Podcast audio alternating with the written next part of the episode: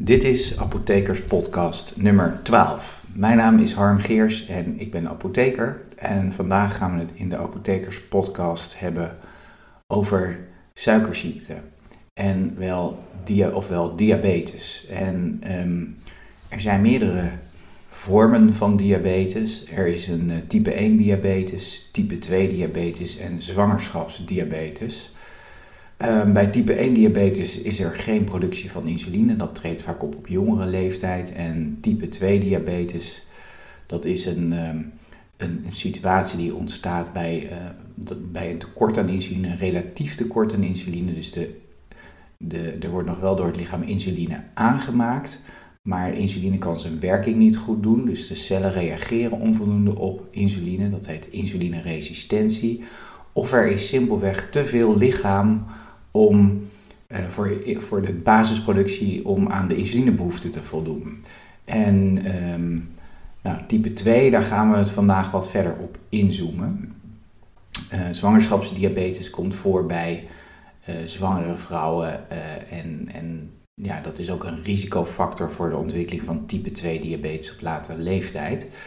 Um, type 2 diabetes komt vooral door een tekort aan lichaamsbeweging, door te veel eten en door overgewicht en ongezonde voeding. Um, er zijn ook wel erfelijke varianten van type 2 diabetes. En die heten uh, LADA en MODI. LADA staat voor Latent Autoimmune Diabetes, diabetes in Adults. En MODI staat voor Maturity Onset Diabetes of the Young. Dat zijn uh, vormen van diabetes die voorkomen bij mensen met een lager gewicht of een lagere body mass index. En de body mass index is het gewicht in kilo gedeeld door je, uh, je, je, lengte in, uh, in meter in het kwadraat. En een gezonde BMI zit tussen de 18 en de 25 kilogram per vierkante meter. Um, nou, het risico van diabetes type 2 neemt dus toe bij een, uh, bij een verhoogd lichaamsgewicht en eigenlijk bij, bij een BMI van boven de 25 kilo per vierkante meter. Um, bij vrouwen die zwangerschapsdiabetes hadden is ook een verhoogd risico. En verder neem, uh, neemt het risico heel erg toe bij mensen van Hindoestaanse afkomst, maar ook bij mensen van Marokkaanse of Surinaamse afkomst komt diabetes meer voor. En, um, en natuurlijk bij het vorderen van de leeftijd, omdat dan het, de hoeveelheid vet bij mensen neemt toe, maar mensen worden vaak ook minder bewegelijk. Dus dat, dat is ook een, uh, een relatie. Um, nou, zoals al gezegd wordt, diabetes komt eigenlijk door een relatief tekort aan insuline of door insulineresistentie. En om een beetje te begrijpen wat insuline allemaal doet en wat diabetes inhoudt, is het handig om daar iets over te vertellen, over de achtergrond. En uh, insuline, dat is een, uh, een hormoon en dat wordt geproduceerd in de alvleesklier of de pancreas, zoals die ook heet. Uh, en de pancreas bestaat uit uit, uit allerlei cellen en die hebben een typische functie. Zo heb je de alpha-cellen en je hebt ook de beta-cellen. Uh, en de beta-cellen die vormen de, de eilandjes van Langerhans. En in die eilandjes van Langerhans, door die beta-cellen, wordt insuline geproduceerd. En dat wordt door die beta-cel afgegeven. En insuline komt in het bloed terecht en zorgt eigenlijk dat de brandstof van het lichaam, dat is glucose, vanuit het bloed wordt opgenomen uh, in de lever, in spierweefsel en in vetweefsel. En dat is, heeft als doel om energie beschikbaar te, te, te krijgen voor, voor die cellen. Um, insuline heeft ook verder invloed op de aanmaak van allerlei eiwitten in het lichaam.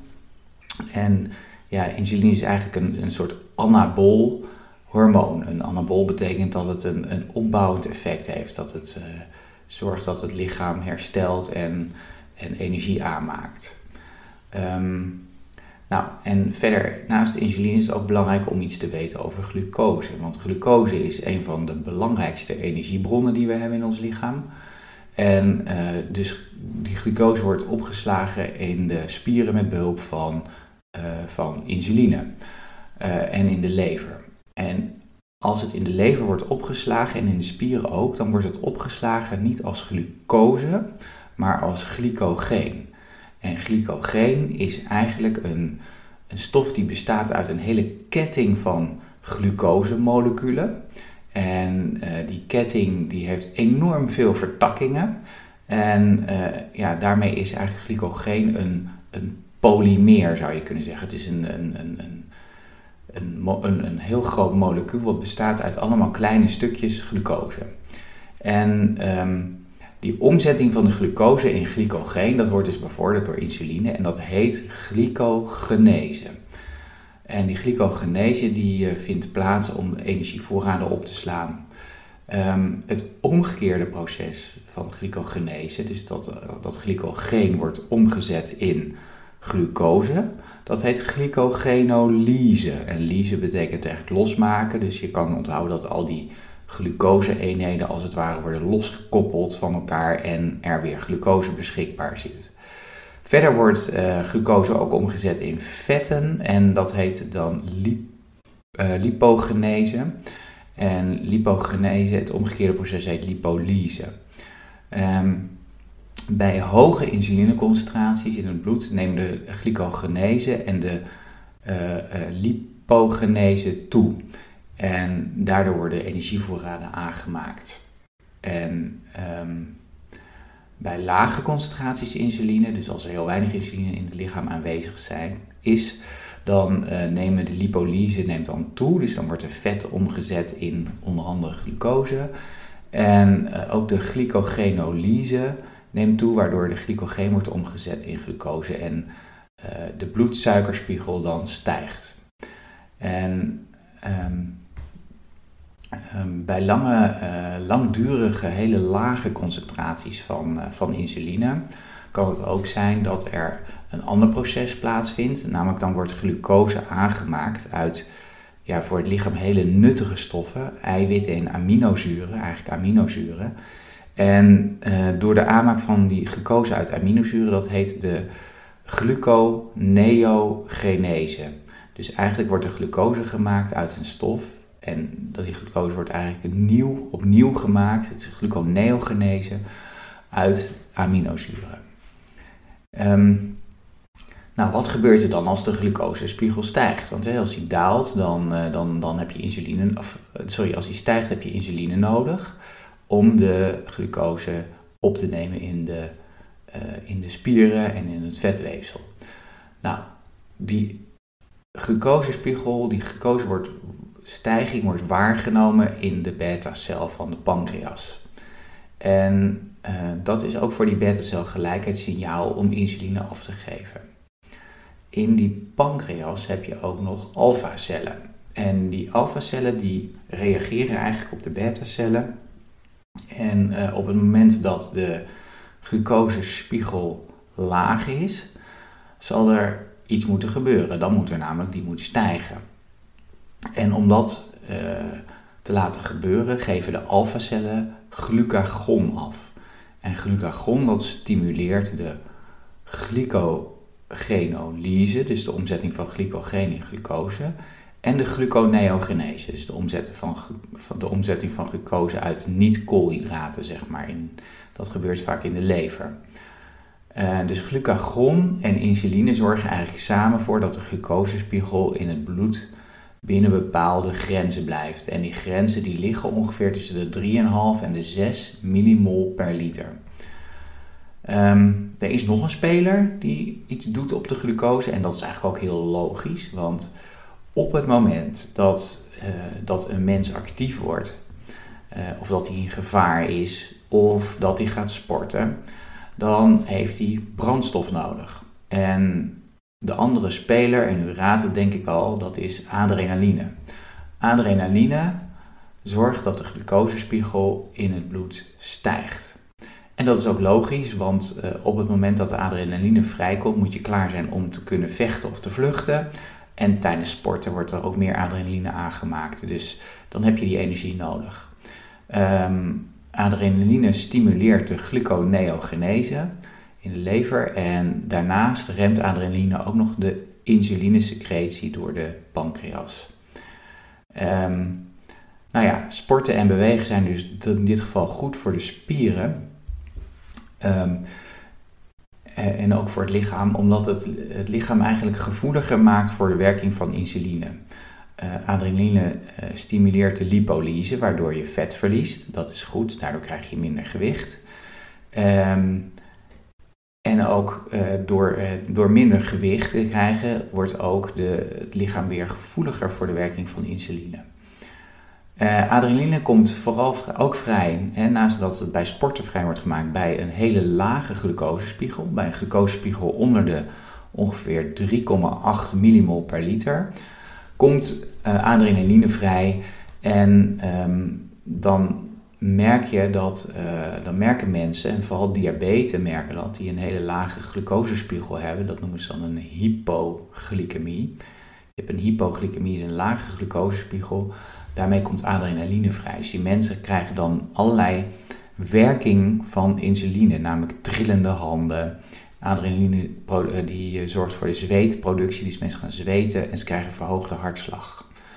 Um, dat is belangrijk om te weten dat zo'n hypoglycemie um, kan voorkomen, want dat is een bijwerking van bepaalde geneesmiddelen, onder andere van insuline en van glycoside. Daar zullen we later verder op, op doorgaan. En zo'n, het is ook logisch dat eh, stoffen die de werking van adrenaline blokkeren, zoals bijvoorbeeld beta-blokkers, die kunnen die symptomen van zo'n hypoglycemie, hè, dat, dat trillen en dat zweten en die verhoogde hartslag, kunnen ze maskeren. Dus het is belangrijk om dat te weten. Um, verder um, kunnen uh, die beta-cellen in het lichaam door een auto-immuunziekte kapot gaan. En daardoor produceren ze geen insuline mee, meer en daardoor ontstaat eigenlijk type 1 diabetes. Uh, en type 2 diabetes lijken de beta-cellen veel minder goed te functioneren, gaan functioneren en ook de de, de gevoeligheid voor insuline neemt af in het lichaam. Um, nou, en waarom is dat, hè, is dat, die, die, dat tekort aan insuline in het lichaam nou echt, eigenlijk een groot probleem? Nou, bij een tekort aan insuline is het lichaam niet meer in staat om glucose op te nemen in de cellen. Um, en ook niet om uh, glucose om te zetten in glycogeen. En daardoor ontstaat er eigenlijk een soort energietekort. Um, en daarbij zal het ook voorkomen dat de, gluco de door, doordat er te weinig insuline is, zal de glucosespiegel die zal langzamerhand gaan stijgen. Um, men spreekt eigenlijk van diabetes als de nuchtere glucosespiegel. Dus als je s'morgens wakker wordt, je hebt nog niks gegeten. Als de glucosespiegel dan boven de 7 millimol per liter of hoger is, dan spreekt men van diabetes. Als er een glucosespiegel gemeten wordt op een willekeurig tijdstip van 11,1 millimol per liter of hoger, ook dan is er sprake van diabetes. Um, en het lichaam is eigenlijk heel, heel erg zuinig op die glucose. en normaal gesproken wordt het uh, glucose, dat, wordt in dat zit in het bloed en dat, bloed dat wordt in principe in, wordt dat door de nier gefiltreerd. En dat, dat filtratieproces, dat, daardoor wordt ook die glucose eigenlijk uitgescheiden in de urine. Maar omdat het lichaam zo verschrikkelijk zuinig is op die glucose, wordt eigenlijk al die glucose in de nier alweer teruggewonnen. Alleen bij een glucosespiegel die hoger is dan 11 millimol per liter, kan de nier dat niet meer aan. Dan is de, de nierdrempel zeg maar is bereikt. Dus de nier kan dan geen glucose meer terugwinnen. En dan ga je glucose uh, uitplassen. En um, glucose is een, is een, uh, is een stof, hè? dus als je hoge glucosespiegels hebt, is glucose een belangrijke stof, die heeft namelijk een osmotische werking. En die osmotische werking betekent eigenlijk niets anders dan dat glucose vocht aantrekt. Um, dus een hoge glucosespiegel zal in het bloed zal vocht onttrekken uit de cellen. En als er veel glucose in de urine zit, dan zal het ook veel moeilijker zijn voor de nieren om water terug te resorberen. Dus doordat je vocht verliest uit je cellen en doordat je minder makkelijk vocht kan terug uh, resorberen in de nieren, ontstaat uh, het gevolg dat je dorst krijgt en ook heel veel moet plassen. En dat zijn vaak de eerste symptomen van diabetes. Dat zijn uh, toegenomen frequentie van plassen en heel veel drinken. Een ander gevolg van die hoge glucosespiegels is dat de glucose eigenlijk in staat is dan om een chemische reactie aan te gaan met allerlei stoffen die in het lichaam en in het bloed circuleren. En die chemische reactie, dat is dan een glycosylering. Dat betekent eigenlijk dat er een molecuul glucose bijvoorbeeld aan een eiwit, uh, met een eiwit reageert en daar een verbinding mee vormt. En um, een van die stoffen die heel bekend is en heel, veel gebruikt wordt uh, in binnen, de, binnen diabetes is het hemoglobine. Uh, het hemoglobine dat kan geglycoliseerd worden en dan spreekt men van het uh, hemoglobine, oftewel het HbA1c. En het HbA1c dat wordt gebruikt om een beeld te krijgen van hoe de gemiddelde glucosespiegels waren in de, in de afgelopen 8 tot 12 weken. Uh, normaal gesproken is het HbA1c in mensen zonder diabetes tussen de 20 en de 42 millimol per mol. En bij mensen met uh, diabetes is dat uh, getal hoger, omdat hij hogere glucosespiegels heeft. Dus er is een per mol hemoglobine is er meer geglycoliseerd. Um, nou, het is natuurlijk niet alleen het hemoglobine wat uh, wordt, maar er zijn meerdere stoffen die uh, worden. En die stoffen die reageren als ze geglycoliseerd worden, kunnen ze, kunnen ze van eigenschappen veranderen, waardoor ze met nog meer stoffen gaan reageren. En zo ontstaan er de, en dat is een Engelse afkorting, de Advanced Glycolization End Products, of AGE genoemd. Nou, die Advanced Glycolization End Products zorgen dat er andere eigenschappen kunnen ontstaan in de weefsels. Zo kunnen die AGE's in, uh, in, in bloedvaten uh, zorgen dus, uh, voor een verhoogd aantal verbindingen in het collageen. het collageen is, is zeg maar de, de, de stof die in de vaten de stevigheid geeft. Als er meer verbindingen ontstaan tussen die collageen vezels, zeg maar. En dat betekent dat er meer crosslink verbindingen ontstaan. Dan wordt dat collageen stijver. Nou, dat stijvere collageen, dat uh, geeft uiteindelijk dat die vaten stijver worden. En als die vaten stijver worden, ja, dan stijgt ook de bloeddruk. Nou, en het lichaam bevat, uh, bevat ook een receptor, een, een, een plek waar die advanced glycolization end products, zoals AGE's, kunnen reageren. En dat is de, de, die receptor heet ook die heet de RAGE, de Receptor of Advanced Glycolization End Products. En een interactie tussen de AGE's met die receptor zorgt dat de, de, de oxidatieve stress in de weefsels dat die toeneemt. En oxidatieve stress, dat is eigenlijk een imbalans tussen de aanmaak van vrije radicalen en antioxidanten. En vrije radicalen zijn uh, stoffen die heel erg reactief zijn. Dus die reageren heel snel, die bestaan maar heel kort, want die reageren gelijk met allerlei andere stoffen. En uh, die chemische reacties die heten oxidaties. Dus die, een oxidatieve stress, hè, die, die, die, die, die, die stoffen die daar ontstaan, die leiden tot ontstekingsreacties in het lichaam. En door die ontstekingsreacties treedt sneller aderverkalking of atherosclerose op. En het bevordert ook het geoxideerd um, ehm, LDL, dat is het slechte cholesterol. Um, in de nieren ook ontstaan door die advanced glycosylation end products ontstaan ook ontstekingsreacties. En in de loop van de tijd gaan die nieren ook slechter functioneren. Bij diabetes uh, zie je dat de eh, de, de, de nieren langzamerhand eiwit gaan verliezen. En als ze eiwit gaan verliezen, dan gaan ze ook in functie achteruit.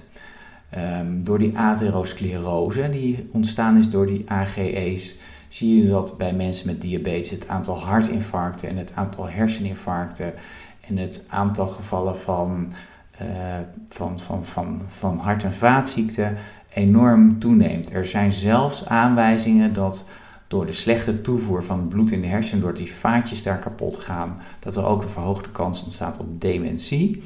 En ook in de ogen door, ontstaat door vaatschade uh, ontstaat er ook Uh, dat staat er ook een, een, een, beschadiging aan het netvlies en dat heet retinopathie. Diabetische retinopathie heb je. En je hebt ook diabetische nefropathie. Hè? Dat zijn de nefro's, de nier. Dus ook de nier gaat langzaam uh, uh, achteruit. Dus de gevolgen van diabetes type 2 zijn best heftig. de symptomen als dorst en veel plassen, dat zijn de eerste korte termijn symptomen, maar met name die lange termijn symptomen kans op hart- en vaatziekten, uh, het ontstaan van schade aan de ogen en aan de nieren. En daarnaast, ook door die hoge glucosespiegels, zullen ook zenuwen beschadigen. Je ziet dus ook van mensen die hebben geen minder gevoel meer in hun benen. Uh, waardoor de wondgenezing trager wordt en waardoor dat op termijn kan leiden tot amputaties uh, van tenen. En vertraagde wondgenezing kan leiden tot allerlei uh, zweren en open wonden die er ontstaan. Um, nou, het zal u niet verbazen dat de combinatie van diabetes met roken helemaal desastreus is, omdat roken de oxidatieve stress in het lichaam nog meer verhoogt. Dus de kans dat, bloeddruk, dat, dat er verhoogde bloeddruk en hart- en vaatziekten en schade aan de nier ontstaat is bij roker nog, en diabetes type 2 nog veel, veel groter. Nou, wat, wat kunt u eigenlijk zelf doen? Hè? Want voordat we gaan uh, kijken van welke geneesmiddelen van belang zijn bij diabetes, denk ik dat het heel belangrijk is dat u weet wat u kan doen aan type 2 diabetes. Nou, ik vertelde net al dat roken een, een buitengewoon negatieve invloed heeft dus één ding wat u kan doen, dat realiseer ik me wel dat dat niet zo makkelijk is, is stoppen met roken. Een ander ding is zorgen dat je, dat je body mass index afneemt. En dat kan door veel te bewegen. Dat lijkt heel simpel gezegd, hè, maar dat, en dat is heel moeilijk. En verder is het ook belangrijk om de voeding aan te passen, dat was ik vergeten te zeggen. Dus gezonde voeding, stoppen met roken en veel bewegen. Dat zijn hele belangrijke dingen. En dat is heel moeilijk. En dat vergt een lange termijnvisie van de persoon met diabetes. En het is heel makkelijk om even een chocolaatje te nemen en dan denken, nou ja, goed, morgen dan, uh, dan sla ik het wel over. Dat, dat is bijna bij iedereen wel zo dat dat gebeurt. Dat gebeurt bij mij ook zo. Um, het vergt dus een gedragsverandering. En dat is eigenlijk heel lastig. Maar het is wel goed te doen. En dat, moet u, dat kunt u het best doen door kleine stapjes te nemen. begin bijvoorbeeld een keertje met, uh, met een wandelingetje na te eten. En wandel desnoods 10 minuten. En de volgende dag nog een keer 10 minuten. En de week daarna wandelt u 15 minuten. Als u moeite heeft met wandelen, dan gaat het langzamerhand beter. Dat zult u zien. Oefening zorgt echt dat u beter wordt. Um, we zien bij mensen die bijvoorbeeld uh, overgewicht hebben en een maagverkleining hebben gehad, hè, die, krijgen, die krijgen heel veel, hebben heel veel medicatie voor hun diabetes. Daarbij zien we dat als ze afvallen, dat de bloeddrukmedicatie gestopt wordt, dat alle diabetesmedicatie soms gestopt kan worden. Dus afvallen en bewegen helpt heel erg om die diabetes goed onder controle te krijgen. En um, ja, ik zeg altijd, uh, als je bijvoorbeeld boodschappen gaat doen, ga dan niet met de auto, maar ga wandelen of ga op de fiets. Zeker als je kleine boodschapjes doet, ga dan wandelen en draag de tas. Dat, dan moet je een gewichtje meenemen, je moet wandelen. Dat is allemaal extra beweging. Ga op de fiets naar het werk. Als u de auto parkeert, parkeer hem dan een paar straten verderop, zodat u weer een wandelingetje naar de auto kan maken. Allemaal dat soort dingen is handig om te doen. Drink geen frisdrank met heel veel suiker erin bijvoorbeeld. Want dat is een van de grootste redenen waardoor mensen overgewicht krijgen. Dus in plaats van frisdrank met suiker, neem dan water of thee of koffie. Nou, om dat hele voedingspatroon te veranderen, en dat is echt heel moeilijk, uh, kunt u uh, dat met uw diëtist bijvoorbeeld bespreken. Die kan u helpen om gezonder te eten. En als u meer beweegt, dan kunt u de hulp inroepen van, of als u dat wilt, van een leefstijlcoach. Sommige mensen kunnen het ook helemaal zelf, uh, maar weten niet dat ze meer moeten bewegen. Dus dan is het ook heel lastig om iets te doen. Um, op het moment dat u meer beweegt, dat u gezonder eet, dat u stopt met roken, zullen er minder van die advanced glycosylation end products ontstaan. En zal de bloedglucose dalen en, en zal het lichaam gevoeliger worden voor insuline. Dus dat is eigenlijk ja, de hoeksteen van de behandeling, lijkt mij. Nou, ehm, diabetes type 2 wordt behandeld met geneesmiddelen. En die geneesmiddelen die zullen wij uh, stuk voor stuk gaan bespreken in de volgende podcast. Maar de geneesmiddelen die er zijn, ehm, die werken allemaal tegen diabetes. En, en de meeste gebruikte geneesmiddelen, dat zijn geneesmiddelen die de bloedglucose verlagen. Dat zijn er een heleboel. Maar ook mensen die diabetes hebben gebruiken vaak ook middelen tegen hoge bloeddruk. En middelen tegen hoge bloeddruk om de nieren te beschermen. En cholesterolverlagers. Dus eigenlijk kan je haast zeggen dat een gemiddelde persoon met type 2 diabetes al sowieso al 4 à 5 geneesmiddelen slikt vanwege die diabetes. Nou, die 4 of 5 geneesmiddelen, dan moet je vaak drie keer per dag moet je erover nadenken wanneer je ze moet innemen. Je moet in Nederland tenminste elke drie maanden bedenken dat je ze moet aanvullen bij de apotheek. Daarnaast moet je heel veel afspraken ter controle bij de huisarts of de praktijkondersteuner van de huisarts of de diabetesverpleegkundige of de internist. Je moet naar de oogarts. Ehm, het hele uh, leven, het medische leven met, um, met, met diabetes en het plannen wat dat vergt, dat is al een enorme verandering van, van leefstijl eigenlijk. Hè? En um, om dat nou te vergelijken met elke dag wat meer bewegen en proberen wat minder te eten en proberen wat gezonder te eten, dan lijkt me dat laatste, iets meer bewegen, iets gezonder eten, veel makkelijker in te plannen, want dan hoef je veel minder vaak aan te denken. Dus ja, om, om het in perspectief te zetten, uh, wil ik dat uh, toch genoemd hebben. Hè, het, het, het, het, gebruik van medicatie is moeilijk, vergt veel planning en, um, en, is lastig. Nou, um, wat betreft de diabetes zijn we nu aan het einde gekomen van, van deze podcast. Ik hoop dat u het interessant vond. De volgende podcast zullen we dieper ingaan op de bloedglucose verlagende middelen. Dat zal misschien één of twee of misschien wel drie podcasts beslaan, omdat het veel um, veel verschillende middelen zijn. En we gaan ook kijken naar de doelstellingen die men wil behalen bij de medicamenteuze therapie. Nou, mocht u nog vragen of opmerkingen hebben over deze podcast, dan kunt u mij bereiken via harmgeers.gmail.com of via Twitter. Ik ben harmgeers. En ik wil u heel erg bedanken voor, uw, uh, voor uw luistertijd. En um, mocht u kennissen of familie hebben die u de podcast wil aanraden, nou dan hoor ik natuurlijk graag dat u ze dit doorvertelt. Dank u wel en tot de volgende keer.